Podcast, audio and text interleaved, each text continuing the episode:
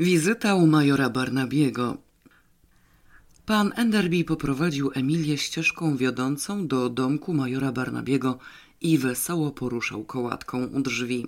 Otworzyło się prawie natychmiast i na progu stanął zaczerwieniony major. A, to pan! Zauważył bez zbytniego entuzjazmu w głosie i szykował się do dalszej perory w tym tonie, gdy dostrzegł Emilię i twarz mu się zmieniła. To panna Emilia Trefusis, oznajmił Charles z taką miną, jakby prezentował atutowego asa. Bardzo pragnie się z panem zobaczyć. Czy mogę wejść? spytała Emilia z najsłodszym uśmiechem. Ależ tak, z pewnością, oczywiście, tak, oczywiście. Jąkając się, major wycofał się do pokoju, który służył tu za salonik jął wyciągać krzesła i odsuwać stoliki. Emilia swoim zwyczajem przeszła od razu do rzeczy. Widzi pan, panie majorze, jestem zaręczona z Jimem, z Jimem Pearsonem, wie pan, i naturalnie strasznie się o niego niepokoję.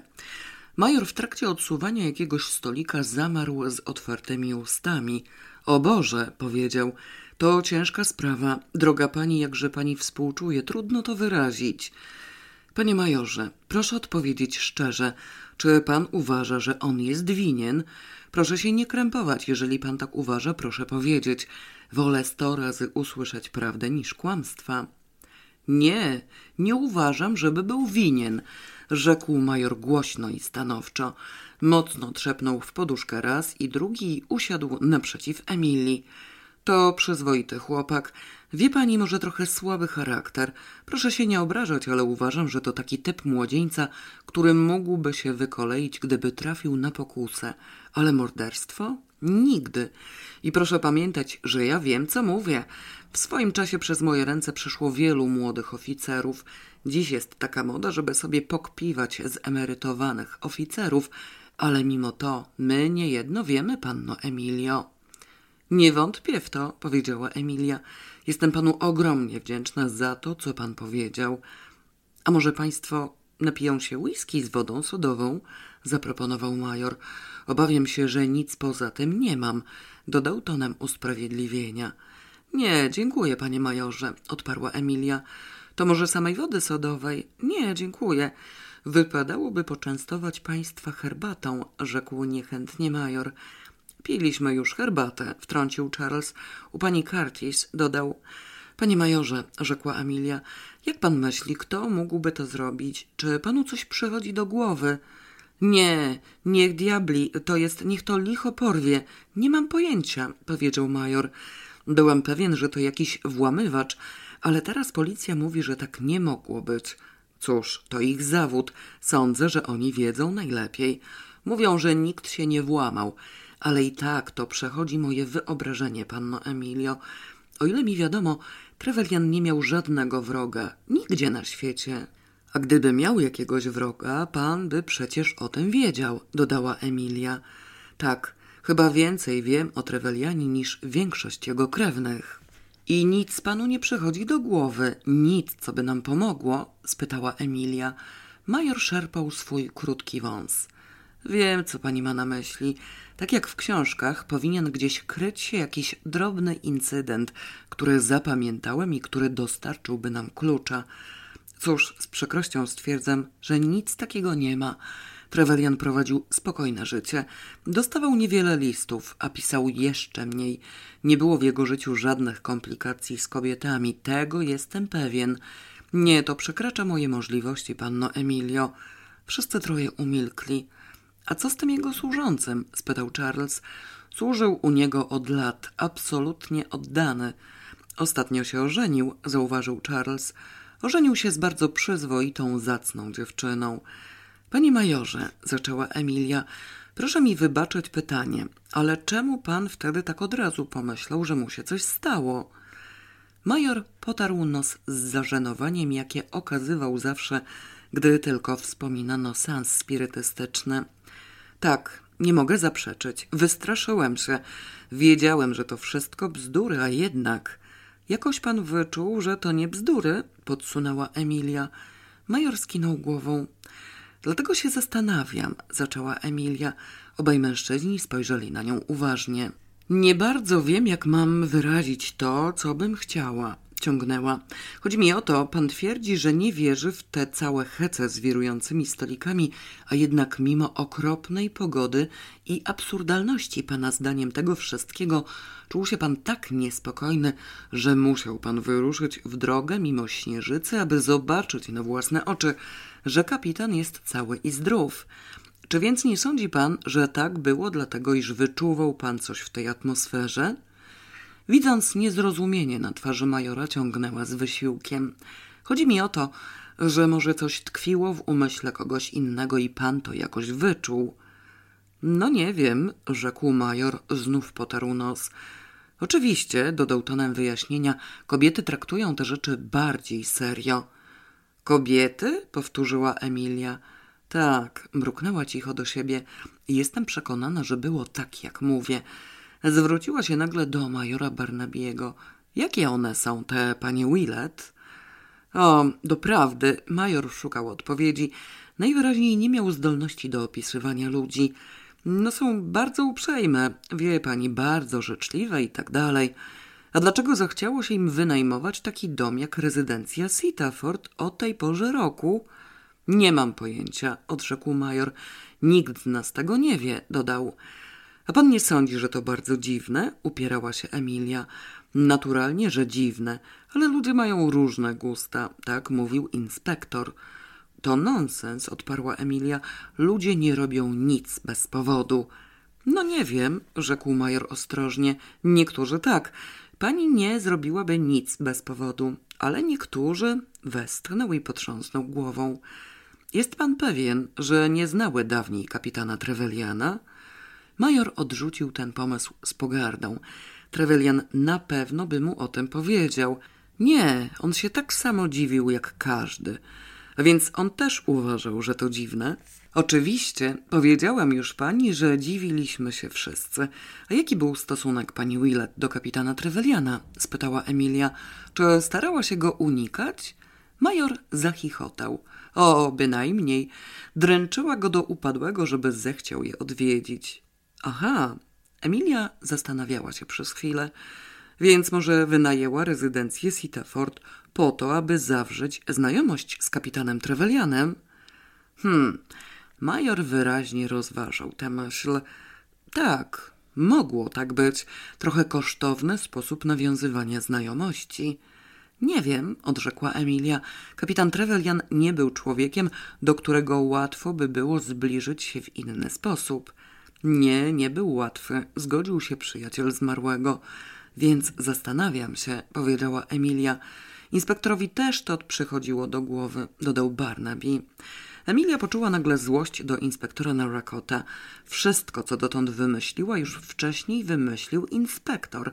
To odrażniło młodą kobietę, która szczyciła się tym, że jest bystrzejsza od innych. Wstała i wyciągnęła rękę. Dziękuję bardzo, powiedziała po prostu. Radbym pani więcej pomóc, rzekł major. Jestem człowiekiem prostodusznym i zawsze taki byłem. Gdybym był sprytniejszy, może zdobyłbym jakiś klucz do tej tajemnicy. W każdym razie proszę na mnie liczyć, gdyby pani czegoś potrzebowała. Dziękuję, odpowiedziała Emilia. Będę o tym pamiętać. Do widzenia, panie majorze, zawołał Enderby. Wpadnę rano ze swoim aparatem fotograficznym. Pamięta pan? Barnaby odchrząknął. Emilia i Charles wrócili do pani Curtis. Chodźmy do mojego pokoju, chcę z tobą porozmawiać. Usiadła na jednym krześle, a Charles na łóżku. Emilia zdjęła kapelusz i z rozmachem rzuciła go w kąt. A teraz słuchaj, rzekła. Myślę, że mam pewien punkt zaczepienia. Mogę mieć rację albo nie, ale w każdym razie to jest pomysł. Sądzę, że wiele się wiąże z tą historią wirującego stolika. Brałeś udział w takich rzeczach, prawda? O tak, od czasu do czasu. Nic poważnego, no wiesz. Oczywiście, to taka rozrywka na deszczowe popołudnie, kiedy wszyscy się nawzajem oskarżają o popychanie stolika.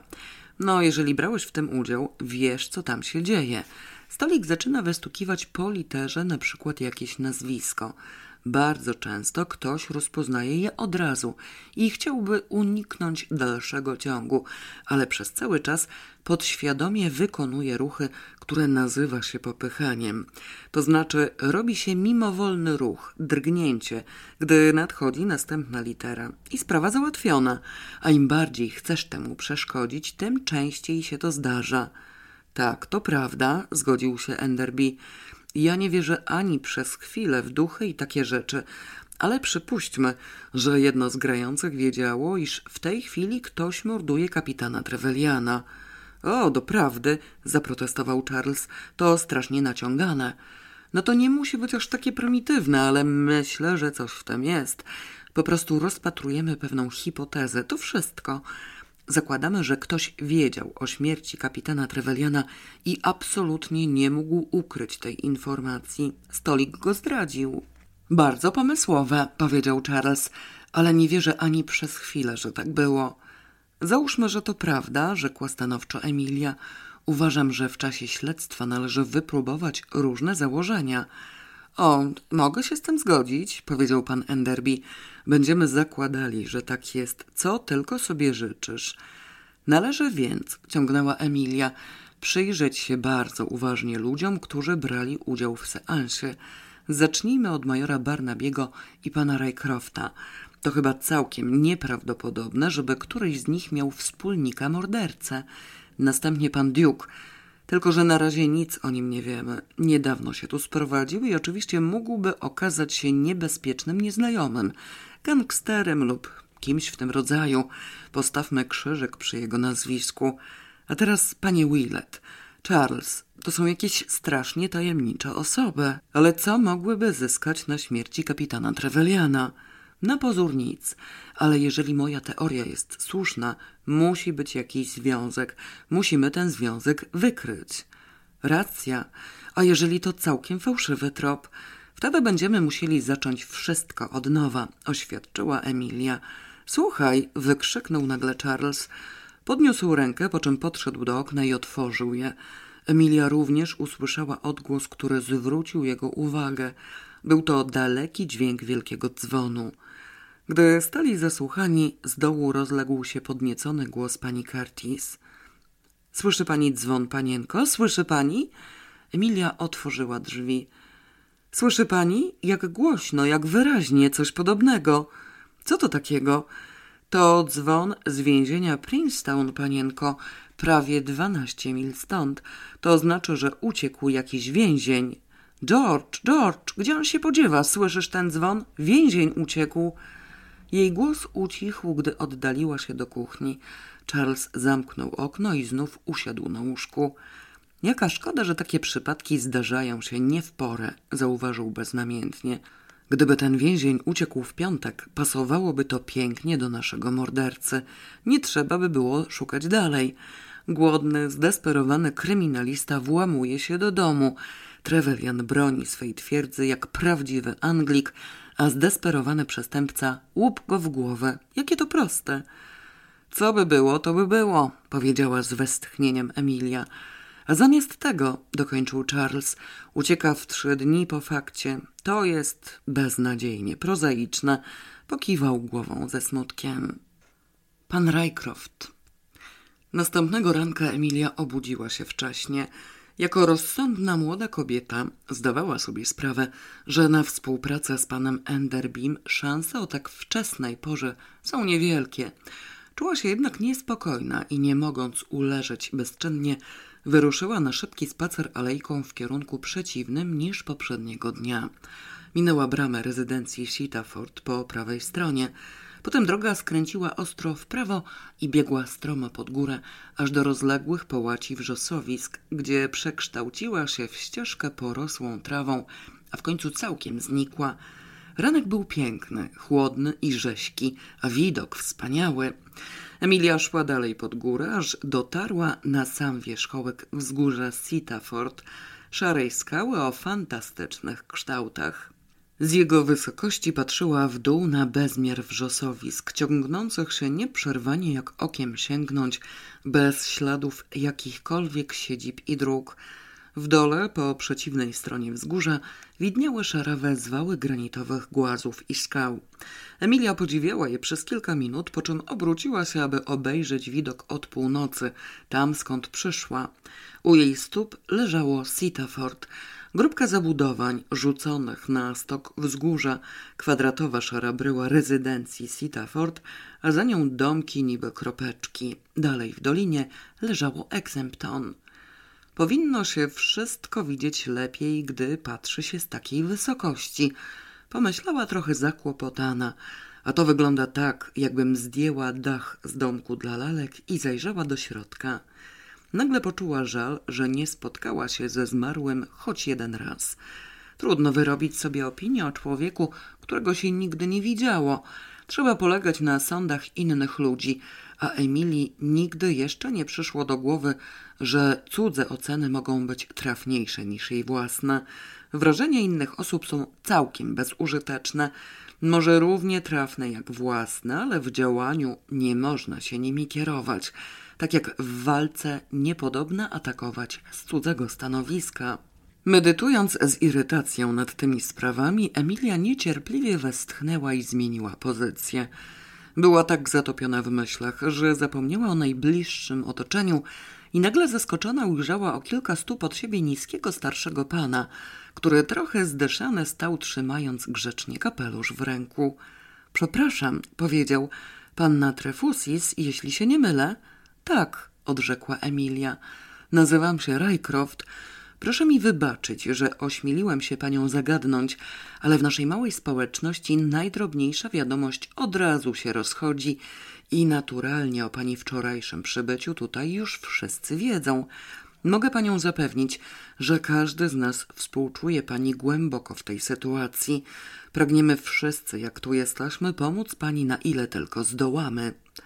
To bardzo miło z państwa strony, powiedziała Emilia. Bynajmniej, bynajmniej, odrzekł pan Rycroft. Piękna kobieta w nieszczęściu.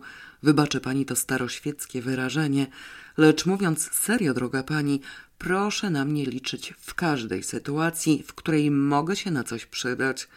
Ależ stąd piękny widok, nieprawdaż? Cudowny, przytaknęła Emilia.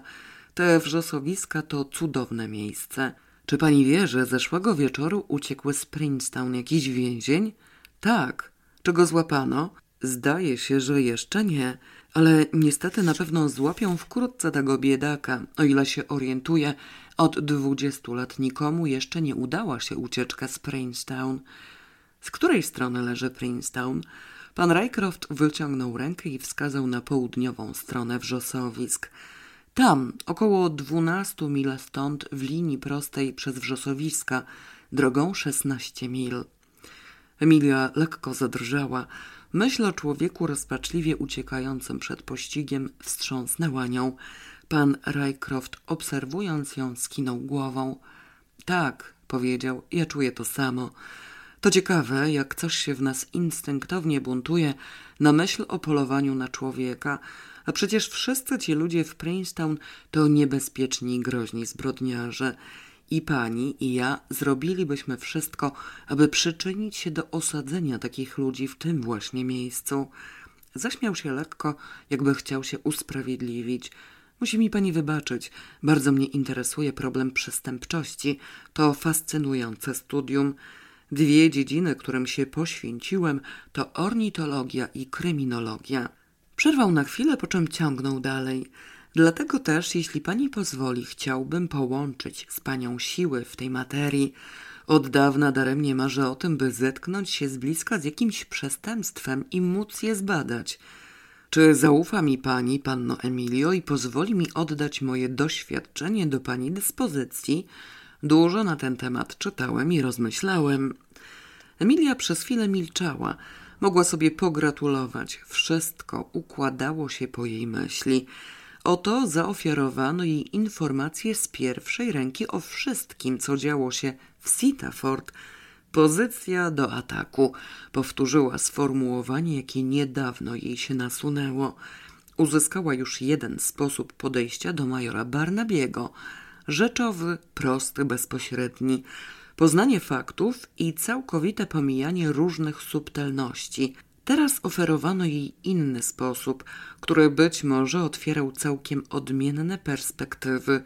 Ten mały, wysuszony, zwiędły człowieczek czytał i prowadził dogłębne studia.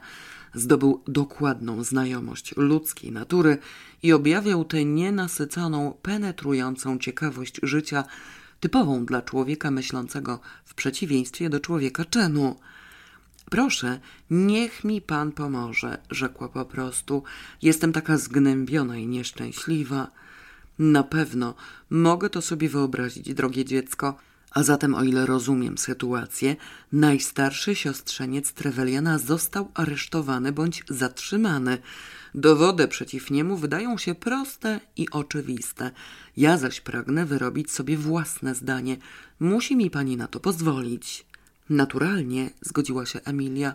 Dlaczegoż by pan miał uwierzyć w jego niewinność, skoro pan nic o nim nie wie? Bardzo rozsądnie powiedziane, rzekł pan Rycroft.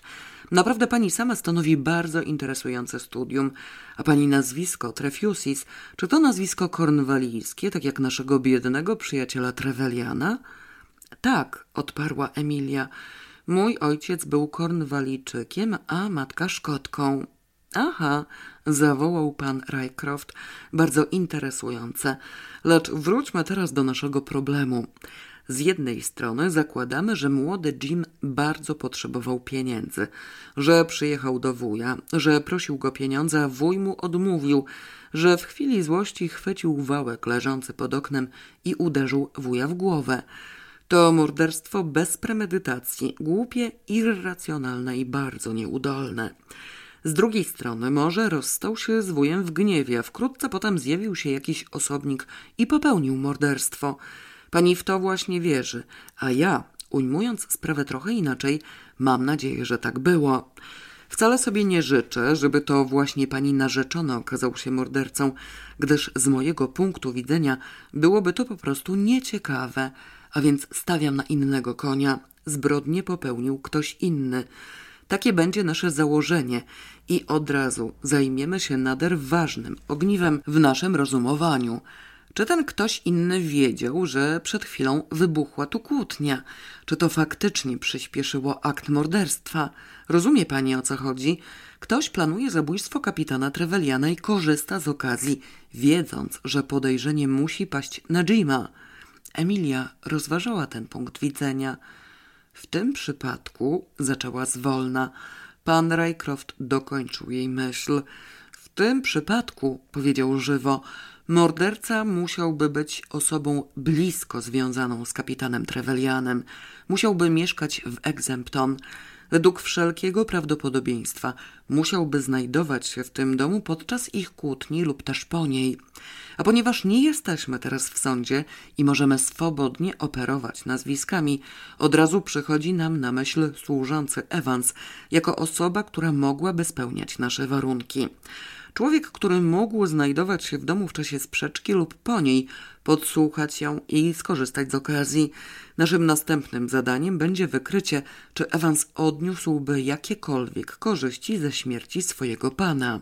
Zdaje się, że otrzymuje niewielki legat, rzekła Emilia. To może stanowić wystarczający motyw, ale niekoniecznie. Musimy się dowiedzieć, czy Evans miał jakieś poważne kłopoty pieniężne. Musimy również wziąć pod uwagę panią Evans. Jak mi wiadomo, od niedawna istnieje także pani Evans. Gdyby pani studiowała kryminologię, zobaczyłaby pani, jak ciekawe są skutki związków małżeńskich między krewnymi, zwłaszcza w okręgach wiejskich. Są w Broadmoor co najmniej cztery kobiety, miłe na pozór, lecz wykazujące ciekawe zaburzenia charakteru, a wyraża się to tym, iż życie ludzkie niewiele albo nic dla nich nie znaczy. Nie, nie możemy pominąć pani Evans. Co pan myśli o tej historii z wirującym stolikiem? A to jest bardzo ciekawe, niezwykle ciekawe. Przyznam się pani, że jestem pod silnym wrażeniem tego incydentu. Jak pani może już słyszała, wierzę w zjawiska metapsychiczne. Do pewnego stopnia wierzę też w seanse spirytystyczne. Sporządziłam już raport z tego wydarzenia i wysłałem do Towarzystwa Badań Metapsychicznych. Dobrze udokumentowany i zdumiewający przypadek. Pięcioro uczestników seansu i żadne z nich nie mogło mieć najmniejszego pojęcia ani podejrzenia, że kapitan Trevelyan został zamordowany. Czy nie myśli pan? Emilia umilkła. Nie śmiała sugerować panu Rycroftowi, że jej zdaniem jedna z tych pięciu osób mogła być winna, ponieważ była o tym uprzedzona. Przecież on sam był jednym z nich. Oczywiście ani przez chwilę nie podejrzewała, aby pan Rycroft mógł mieć jakikolwiek związek z tą tragedią. Jednak czuła, że taka sugestia nie byłaby całkiem taktowna. Rozwinęła więc swą teorię bardziej okrężną drogą. Wszystko to bardzo mnie zainteresowało, proszę pana. Jak pan zauważył, to zdumiewający wypadek. Czy nie sądzi pan, że ktoś z obecnych, oczywiście pomijając pana, mógłby posiadać zdolności telepatyczne? Moja droga pani, ja nie mam zdolności telepatycznych, nie mam żadnych uzdolnień w tym kierunku. Jestem wyłącznie obserwatorem, który bardzo się tymi sprawami interesuje. A ten pan Gerfield? Miły chłopiec, odrzekł pan Rycroft, ale niczym szczególnym się nie odznacza. Zapewne dosyć zamożny. Goły jak święty turecki, powiedział pan Rycroft. Mam nadzieję, że poprawnie użyłem tego wyrażenia. Przyjeżdża tutaj, aby przemilać się ciotce, po której się czegoś, że tak powiem, spodziewa. Panna Percy House to bardzo bystra dama i chyba się domyśla, co oznacza jego przymilność ale ma poczucie humoru, raczej sardoniczne, więc pozwala mu się obsługiwać. Chciałabym ją poznać, rzekła Emilia. Tak, koniecznie musi ją pani poznać. Na pewno sama się o to upomni. Ciekawość, droga pani, ciekawość. Proszę mi powiedzieć coś o paniach Willett, powiedziała Emilia. Są urocze, odparł pan Rycroft, nadzwyczaj urocze. Oczywiście w stylu kolonialnym. Brak autentycznej pewności siebie. Pani rozumie, o co mi chodzi. Trochę zbyt przesadne w swej gościnności. Wszystko trochę zbyt ostentacyjne. A panna Violetta to urocza dziewczyna. Dziwny wybór miejsca na zimę, zauważyła Emilia. Tak, bardzo dziwaczne, prawda? Ale ostatecznie nie brak tu logiki. Ludzie mieszkający w Australii lub w Afryce Południowej zachwyca myśl o tradycyjnych świętach Bożego Narodzenia wśród śniegu i lodu. Ciekawa jestem, pomyślała Emilia, która z nich mu to powiedziała. Przyszło jej do głowy, że człowiek niekoniecznie musi uciekać do zapadłej wioski na wrzosowisku, aby uczestniczyć w tradycji Bożego Narodzenia wśród śniegu i lodu. Widocznie pan Rycroft nie widział nic podejrzanego w wyborze miejsca na zimę przez panię Willett. Ale być może, tłumaczyła sobie, to naturalne dla kogoś zajmującego się ornitologią i kryminologią. Panu Rycroftowi Sitaford najwidoczniej wydawało się idealnym miejscem zamieszkania, więc nie potrafił sobie wyobrazić, że mogłoby być nieodpowiednie dla innych ludzi. Zeszli powoli ze wzgórza i podążali teraz alejką wśród domków. Kto mieszka w tym domu? spytała nagle Emilia. Kapitan Wyatt, inwalida. Obawiam się, że jest raczej nietowarzyski. Czy przyjaźnił się z kapitanem Trevelianem? W każdym razie nie zbyt blisko. Trevelian tylko składał mu od czasu do czasu oficjalną wizytę. Prawdę mówiąc, Wyatt gości nie lubi. To gburowaty facet. Emilia zamilkła. Zastanawiała się, w jaki sposób mogłaby jednak wejść tam jako gość. Nie zamierzała rezygnować ze zbadania wszystkich możliwych pozycji do ataku. Nagle przypomniała sobie jeszcze jednego uczestnika seansu, o którym dotąd się nie wspomniało. A co z panem Duke? zagadnęła żywo. Jak to co z nim? No kim on jest? Właściwie, odrzekł zwolna pan Rycroft. Tego nikt nie wie. To dziwne, wykrzyknęła Emilia. Prawdę mówiąc, wcale nie. Widzi pani, Duke jest osobą całkowicie pozbawioną tajemniczości. Przypuszczam, że jedyną tajemnicą jest jego pochodzenie społeczne. Może niezbyt, rozumie pani, ale to bardzo solidny, dobry człowiek, dodał pośpiesznie. Emilia nic nie odpowiedziała. Oto moja chata. Rzekł pan Rycroft, zatrzymując się. Może mnie pani zaszczyci i zechce ją odwiedzić? Bardzo chętnie odparła Emilia. Podeszli ścieżką do domku. Jego wnętrze było urocze. Cały pokój okalały półki z książkami. Emilia chodziła od półki do półki, odczytując z zaciekawieniem tytuły książek. Część z nich dotyczyła zjawisk okultystycznych, drugą część stanowiły nowoczesne powieści kryminalne, lecz najliczniej reprezentowany był dział poświęcony kryminologii i najsłynniejszym na świecie procesom sądowym. Ornitologia zajmowała stosunkowo niewiele miejsca. Jestem tu wszystkim po prostu zachwycona, powiedziała, ale muszę już iść. Pan Enderby pewnie już wstał i czeka na mnie. Prawdę mówiąc, nie jadłam jeszcze śniadania. Zamówiliśmy u pani Curtis śniadanie na wpół do dziesiątej, ale widzę, że już jest dziesiąta. Będę okropnie spóźniona, ale to dlatego, że jest pan tak interesujący i tyle mi okazuje pomocy. Co tylko będę mógł, mamrotał pan Raycroft pod wrażeniem uwodzicielskiego spojrzenia Emilii. Może pani na mnie liczyć, jesteśmy przecież partnerami. Emilia podała mu rękę i z uczuciem uścisnęła jego dłoń.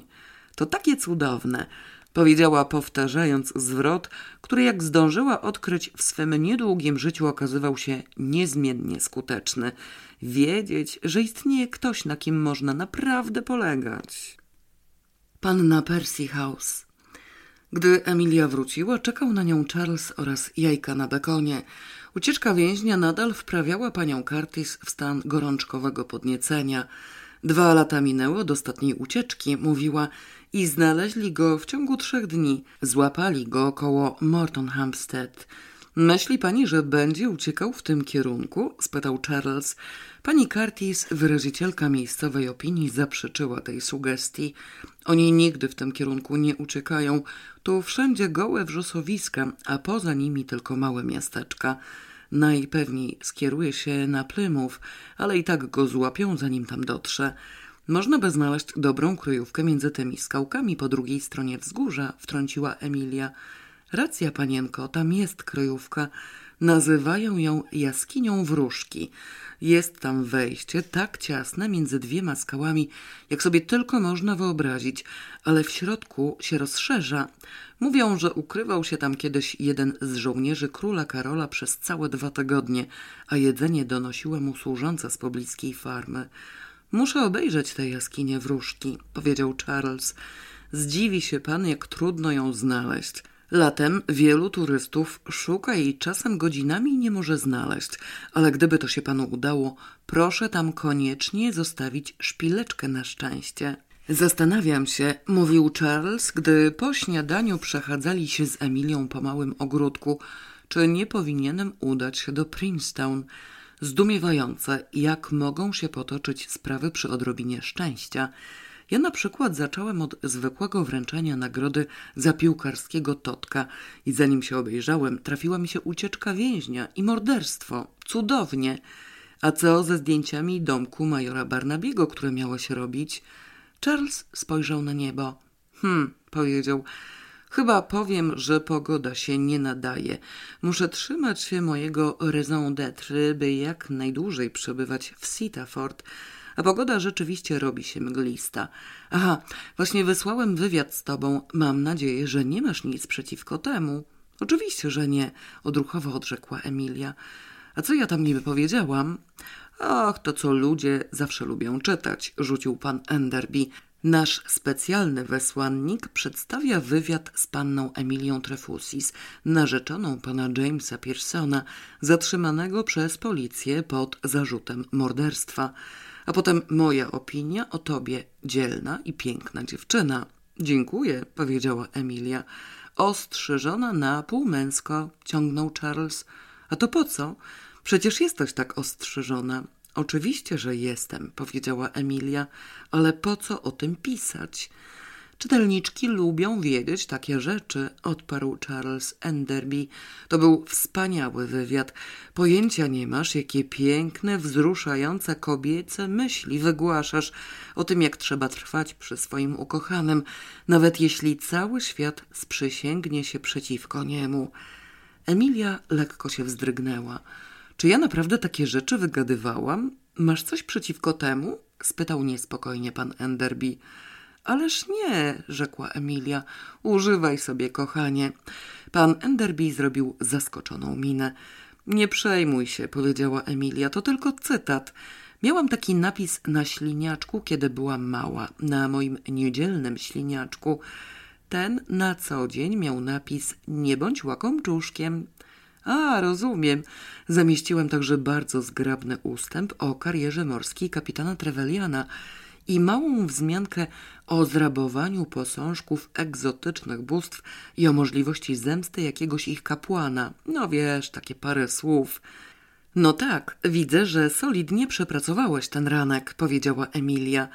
Co ty porabiałaś? Wstałaś rano Bóg wie kiedy.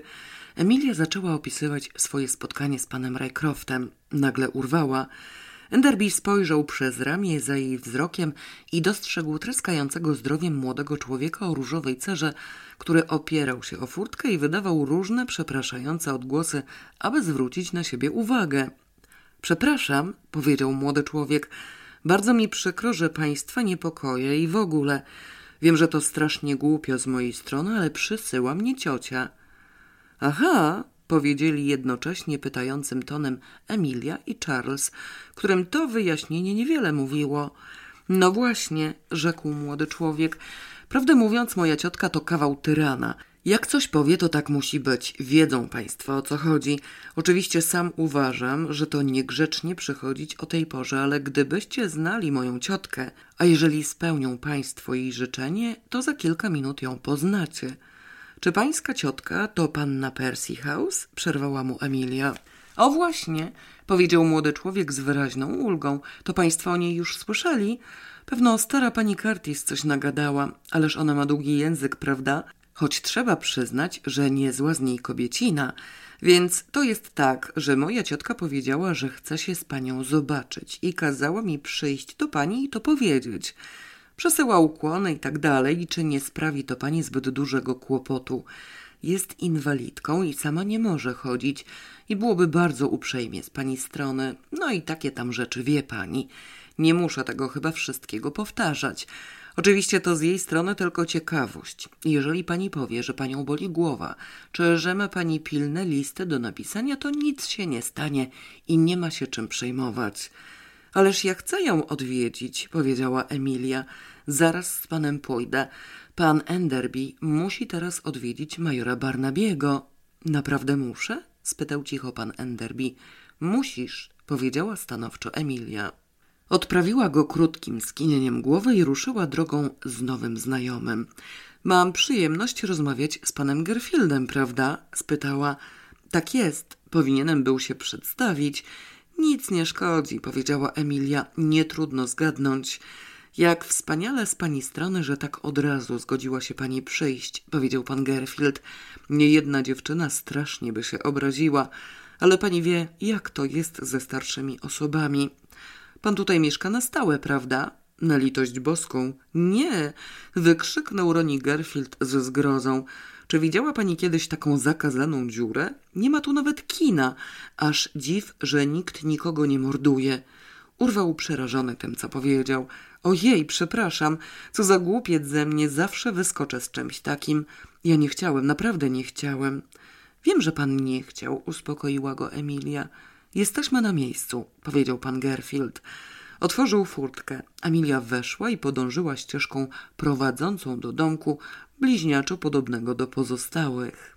W saloniku wychodzącym na ogród stał tapczan, a na tapczanie leżała starsza pani o szczupłej, pobrużdżonej zmarszczkami twarzy, w której najciekawszy był nos, jeden z najostrzejszych i najbardziej dociekliwych nosów, jakie Emilia widziała w życiu.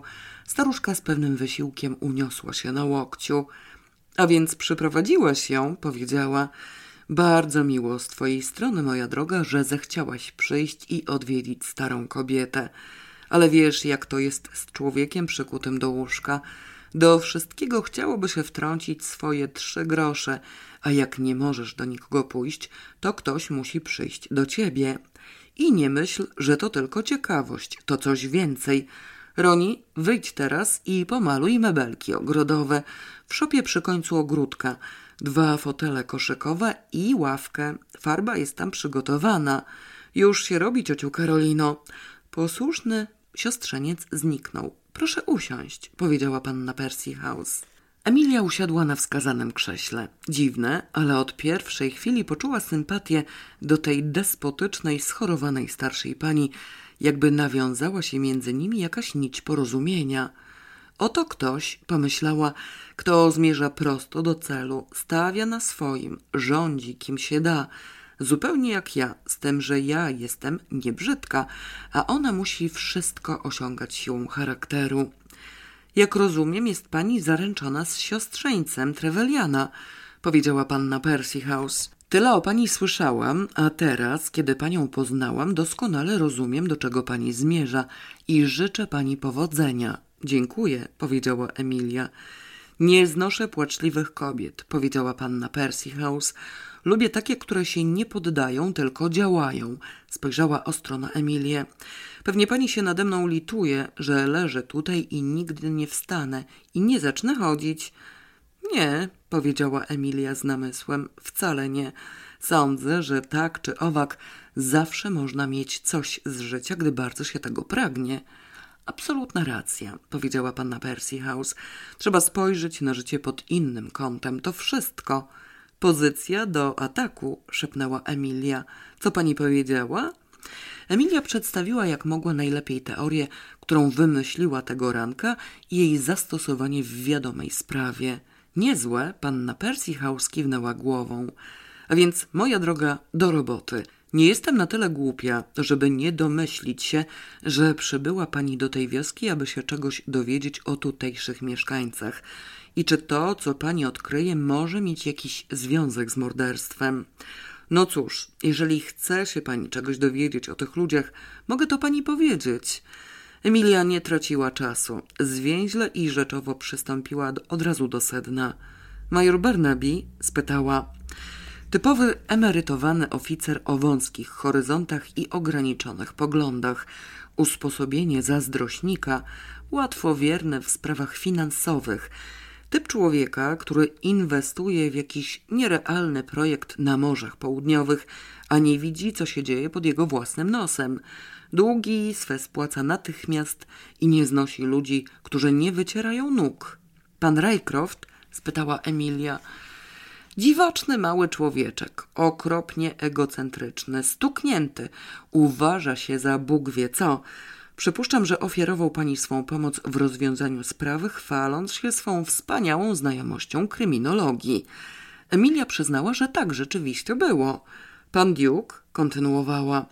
Nic nie wiem o tym człowieku, a przecież powinnam. Bardzo przeciętny typ.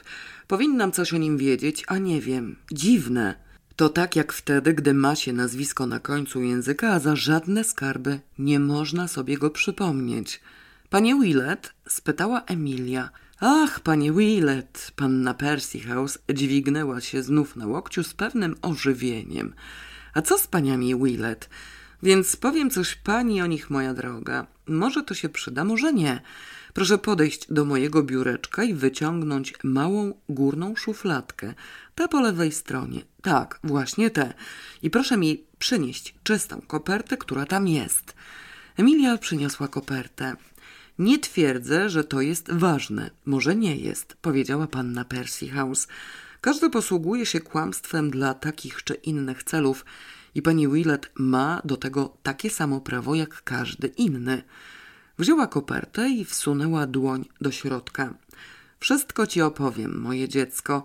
Kiedy pani Willett zjawiło się tu ze swoimi eleganckimi ubiorami, pokojówkami i nowoczesnymi kuframi, obie przyjechały samochodem Fordera, a pokojówki i kufry furgonetką. I ponieważ wszystko to można było oczywiście nazwać wydarzeniem, wyglądałam przez okno. Gdy przyjeżdżały i zauważyłam, jak od jednego z kufrów oderwała się kolorowa nalepka i poszybowała na mój teren – a ja niczego bardziej nie znoszę niż walających się papierków czy różnych śmieci, więc posłałam Roniego, aby ją przyniósł i już ją miałam wyrzucić, gdy uderzyło mnie, jak jest bardzo ładna i barwna i mogę jej użyć do albumu nalepianek, jakie robię dla szpitala dziecięcego. Nie myślałabym o tym więcej, gdyby pani Willett nie podkreślała stanowczo, że Violetta nigdy nie wyjeżdżała z południowej Afryki, a ona sama zna tylko południową Afrykę, Anglię i Rivierę. No i? spytała Emilia. No właśnie, proszę, spójrz na to.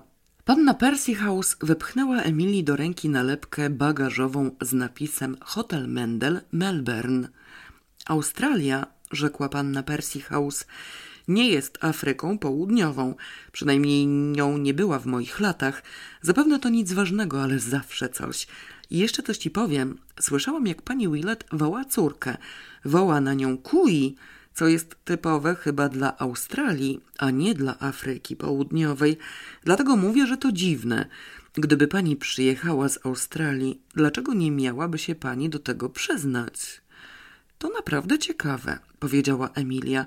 I ciekawe, że przybyła, aby tu zamieszkać akurat w okresie zimowym. To się rzuca w oczy, powiedziała panna Percy House. Czy już je pani poznała? Nie, chciałam do nich pójść dzisiaj rano, ale nie bardzo wiedziałam, co powiedzieć. Dostarczę pani pretekstu, odparła rzeźko panna Percy House. Proszę mi przynieść moje wieczne pióro, papier listowy i kopertę. O, właśnie tak. Chwileczkę, niech się zastanowię. Zastanawiała się przez chwilę i nagle, bez najmniejszego ostrzeżenia, podniosła głos do przenikliwego krzyku. Roni, Roni! Czy ten chłopiec ogłuchł? Dlaczego nie przychodzi, kiedy go wołam? Roni! Roni z pędzlem w ręku przybiegł żwawym truchtem. Czy coś się stało, ciociu Karolino? A cóż by się miało stać? Po prostu cię wołam. Jakie ciasto podano wczoraj u pani Willett na podwieczorku? Ciasto? Ciasto, kanapki, cokolwiek, ależ ty jesteś powolny, chłopcze. Co podano do jedzenia na podwieczorek? Było ciasto kawowe, mówił Roni bardzo zaintrygowany i trochę kanapek z pasztetem. Ciasto kawowe, powiedziała panna Percy House. Wystarczy. Zaczęła pisać energicznie. Możesz wracać do malowania, Roni. Nie obijaj się, nie stercz tu z otwartymi ustami. Usunięto ci trzeci migdał, gdy miałeś osiem lat, więc nie masz już żadnej wymówki. I zaczęła pisać. Droga pani, dowiedziałam się, że było u pani wczoraj na podwieczorek przepyszne ciasto kawowe. Czy zechciałaby pani uprzejmie podać mi na nie przepis? Wiem, że moja prośba pani nie zdziwi. Z wyjątkiem jedzenia życie kaleki jest tak mało urozmaicone. Panna Trefusis uprzejmie obiecała dostarczyć ten mój liścik, bo Roni jest dziś bardzo zajęty. Cóż za okropna wieść o tym więźniu, nieprawdaż? Z wyrazami szacunku Karolina Percy House. Włożyła list do koperty, zakleiła i zaadresowała. Bardzo proszę, moja panno, na progu będzie się tam pewno roić tłum reporterów. Widziałam, jak cała ich gromada jechała uliczką samochodem Fordera. Proszę poprosić panią Willett, powiedzieć, że przynosi pani liścik ode mnie i dostanie się pani do środka. Nie muszę dodawać, aby miała pani oczy i uszy otwarte i wykorzystała jak najlepiej tę wizytę, bo i tak pani to zrobi. Jaka pani miła, powiedziała Emilia. Naprawdę. Pomagam tym, co sami sobie potrafią pomóc, odparła panna Percy House. A przy okazji, jeszcze nie spytała mnie pani, co sądzę o Ronim. Zakładam, że znajduje się na pani liście. To dobry chłopak na swój sposób, ale żałośnie słaby. Przykro powiedzieć, ale zrobiłby prawie wszystko dla pieniędzy. Widzi pani, co on ode mnie znosi i nie ma na tyle oleju w głowie, żeby zrozumieć, że polubiłabym go dziesięć razy bardziej, gdyby od czasu do czasu przeciwstawił mi się i posłał mnie do diabła. Ostatnią osobą, jaka została na liście, jest kapitan Wyatt. Podejrzewam, że pali opium. To chyba największy złośnik w całej Anglii. Czy czegoś jeszcze chciałaby się pani dowiedzieć? Nie sądzę, powiedziała Emilia. To, co mi pani powiedziała, jest całkowicie wyczerpujące. Emilia odwiedza rezydencję Sitaford. Idąc szybko uliczką, Emilia zwróciła uwagę raz jeszcze, że pogoda znów się zmienia. Mgła otaczała już wszystko. Jak okropnie jest mieszkać w Anglii, pomyślała Emilia. Gdy nie pada śnieg czy deszcz albo nie wieje, to jest mgła, a jeżeli nawet świeci słońce, jest tak zimno, że nie czuje się palców u rąk i nóg. Rozmyślenia te przerwał rozlegający się tuż nad jej prawym uchem trochę ochrypły głos. Przepraszam, czy przypadkiem nie widziała pani bulterierki? Emilia drgnęła i odwróciła się. Z nadfurtki wychylał się wysoki, szczupły mężczyzna o bardzo ciemnej cerze, przekrwionych oczach i siwych włosach. Podpierał się kulą i wpatrywał w Emilię z niezmiernym zainteresowaniem. Bez trudu odgadła, że jest to kapitan Wyatt, kaleki, właściciel domku numer trzy. Nie, nie widziałam, odparła. Wyleciała na dwór, mówił kapitan Wyatt. Przywiązane stworzenie, ale zupełnie głupia, przy tych wszystkich samochodach i innych. Nie wiedziałam, że jeździ tą uliczką wiele samochodów, powiedziała Emilia. W lecie jeżdżą autokary, stwierdził ponuro kapitan Wyatt. Poranna wycieczka z Exempton za trzy i pół szylinga. Wjeżdżają na wzgórze Sitaford z postojem w połowie drogi na lekki posiłek. No tak, ale przecież teraz nie jest lato, powiedziała Emilia. Niemniej właśnie dopiero co przejeżdżał tędy samochód. Chyba to reporterzy chcieli zerknąć na rezydencję Sitaford. Czy znał pan dobrze kapitana Treveliana? spytała Emilia. Uważała, że pytanie o bulterierkę było zwykłym wybiegiem ze strony kapitana Wyatta, podyktowanym zrozumiałą ciekawością. Zdawała sobie w pełni sprawę, że jest obecnie głównym obiektem zainteresowania w Sitaford i było rzeczą naturalną, że kapitan Wyatt, podobnie jak inni, chciał jej się przyjrzeć. Nie wiem, czy dobrze, odparł kapitan Wyatt. Sprzedał mi ten domek. Tak? Spytała Emilia zachęcająco. To Sknera, oto czym był, powiedział kapitan Wyatt. Zgodnie z umową miał tak przygotować domek, aby odpowiadał gustowi nabywcy. A kiedy wybrałem kolor cytrynowy zamiast czekoladowego na obramowania okien, chciał, żebym pokrył połowę kosztów, twierdząc, że umowa przewiduje jednolity kolor dla wszystkich domków. Pan go nie lubił, zauważyła Emilia. Zawsze się z nim kłóciłem, powiedział kapitan Wyatt. Po chwili namysłu dodał, ale ja się z każdym kłócę. W takim miejscu jak to trzeba nauczyć ludzi, żeby zostawili człowieka w spokoju. Ciągłe pukanie do drzwi, wpadanie do środka i szczebiotanie. Lubię widywać ludzi, kiedy jestem w odpowiednim nastroju, ale musi to być mój nastrój, a nie ich. Nie będzie ten Trewelian z tą swoją miną pana na włościach wpadał do mnie, kiedy mu się podoba. Ale teraz już nikt, ani jedna dusza do mnie nie zagląda, dodał z satysfakcją. O, powiedziała Emilia, dlatego najlepiej jest mieć kolorowych służących, ciągnął kapitan Wyatt. Oni rozumieją rozkazy. Abdul ryknął. Wysoki Hindus w turbanie wyszedł z domu i czekał na rozkazy. Proszę wejść i czymś się poczęstować, powiedział kapitan Wyatt. Zobaczy pani mój mały domek. Bardzo mi przykro, powiedziała Emilia, ale muszę się śpieszyć. Och nie, wcale pani nie musi, naciskał kapitan Wyatt. Właśnie, że muszę, powiedziała Emilia. Mam umówione spotkanie. Nikt dzisiaj nie rozumie sztuki życia, odrzekł kapitan Wyatt. Cały ten nonsens, umówione spotkania, śpieszę się na pociąg, ustalanie godziny na wszystko.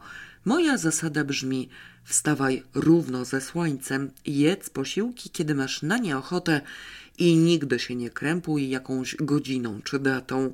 Mógłbym nauczyć ludzi, jak żyć, gdyby tylko zechcieli mnie słuchać. Jak zauważyła Emilia, wyniki tego zachwalanego trybu życia nie napawały optymizmem. Nigdy nie widziała takiego wraku ludzkiego jak kapitan Wyatt. Uznawszy, że jego ciekawość została na razie wystarczająco zaspokojona, powołała się jeszcze raz na umówione spotkanie i ruszyła w drogę. Do rezydencji Sitaford prowadziły solidne dębowe drzwi. Przy nich znajdował się zgrabny dzwonek do pociągania, a u dołu ogromna druciana wycieraczka. Na drzwiach wisiała wypolerowana do blasku mosiężna skrzynka na listy. Emilia nie mogła nie zauważyć, że wszystko to świadczy o komforcie i wysokiej stopie życiowej. Typowa, schludnie odziana pokojówka otworzyła drzwi. Emilia domyśliła się, że dziennikarska plaga musiała nawiedzić dom już przed nią, gdyż pokojówka natychmiast oznajmiła sztywnym tonem. Pani Willett nikogo dziś rano nie przejmuje.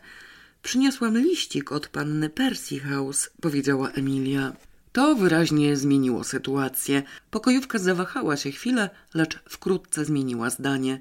Proszę, zechce pani wejść. Emilia weszła do pomieszczenia, które agenci mieszkaniowi określają jako elegancki hol i stamtąd do dużego salonu. Na kominku płonął ogień. Pokój nosił ślady kobiecej obecności. A to jakieś szklane tulipany, to znowu wymyślny worek na robótki, dziewczęcy kapelusz i pierot z bardzo długimi nogami. Nie zauważyła jednak nigdzie żadnych fotografii. Obejrzawszy wszystko, co było do obejrzenia, Emilia rozgrzewała sobie dłonie przed kominkiem. Gdy otworzyły się drzwi, do pokoju weszła młoda dziewczyna mniej więcej w jej wieku. Była bardzo ładna, ubrana kosztownie i elegancko, ale Emilia nigdy nie widziała nikogo w stanie tak silnego napięcia nerwowego. Panna Willett nie okazywała go jednak na zewnątrz, starając się przybrać wygląd osoby, która czuje się zupełnie swobodnie. Dzień dobry, powiedziała zbliżając się i podając rękę. Tak mi przykro, że mama nie zeszła, ale spędza ranek w łóżku. Ależ to ja przepraszam, przykro mi, że przyszłam o niewłaściwej porze. Skądże znowu? Kucharka już pisze przepis na ciasto. Jest nam bardzo miło, że panna Percy House go dostanie. Czy zatrzymała się pani u niej?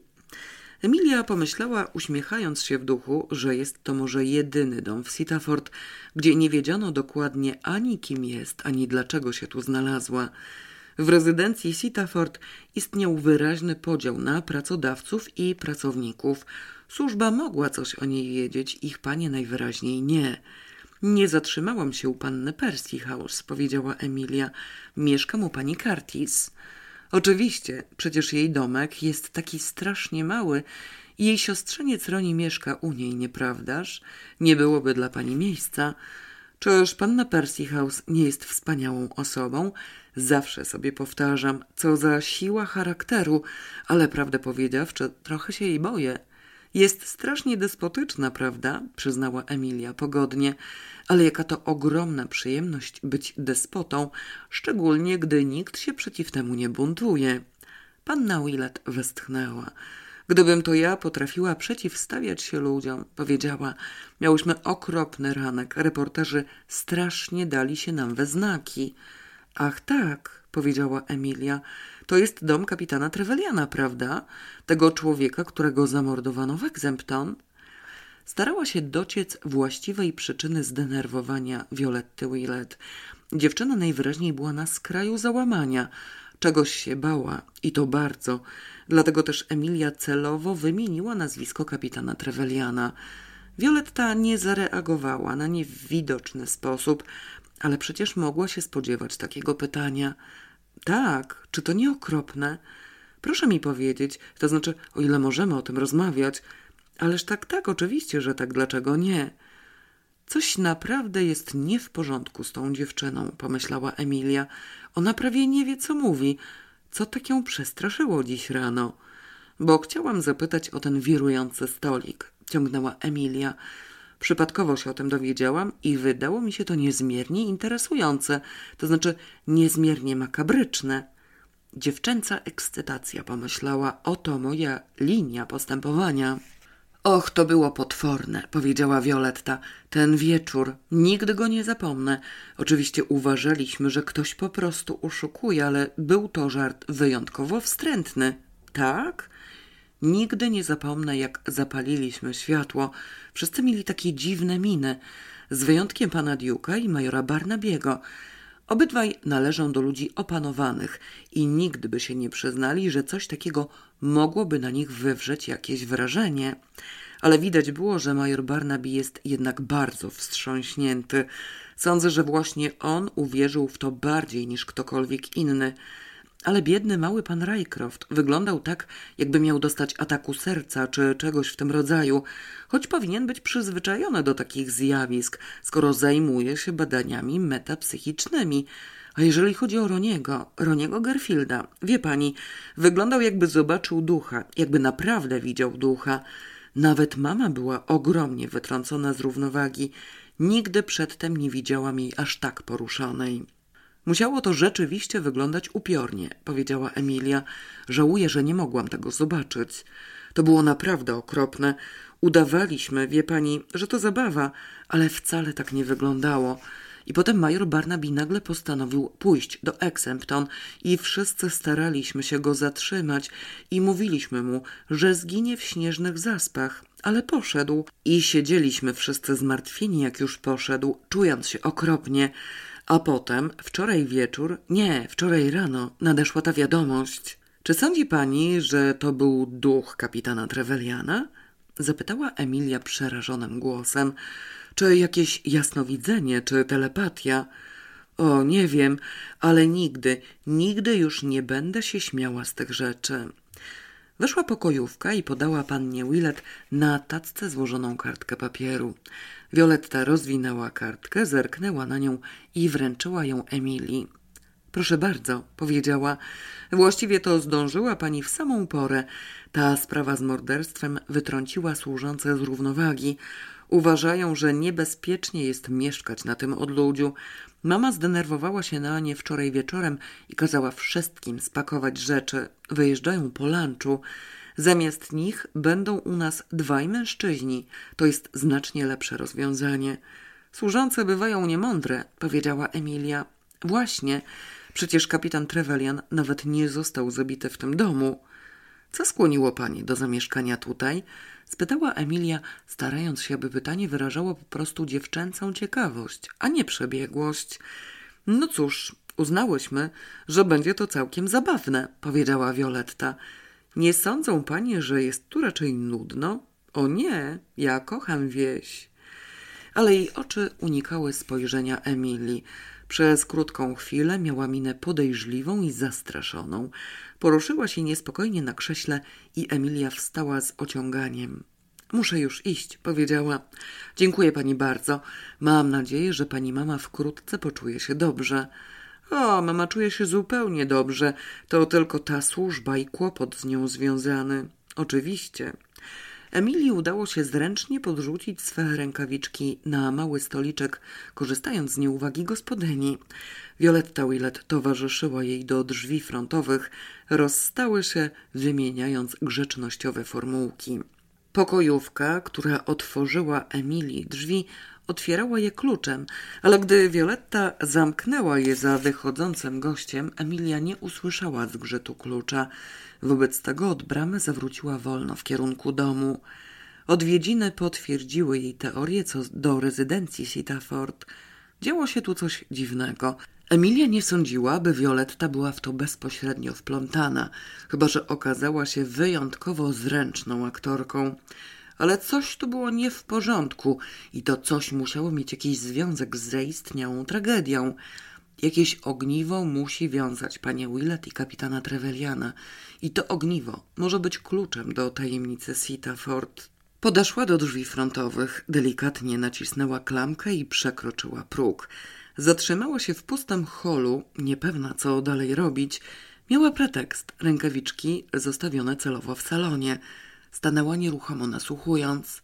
Żadnego dźwięku, z wyjątkiem cichego szmeru głosów na piętrze. Emilia skradała się jak najciszej do schodów i zatrzymała się patrząc w górę. Następnie bardzo ostrożnie zaczęła wchodzić na stopnie.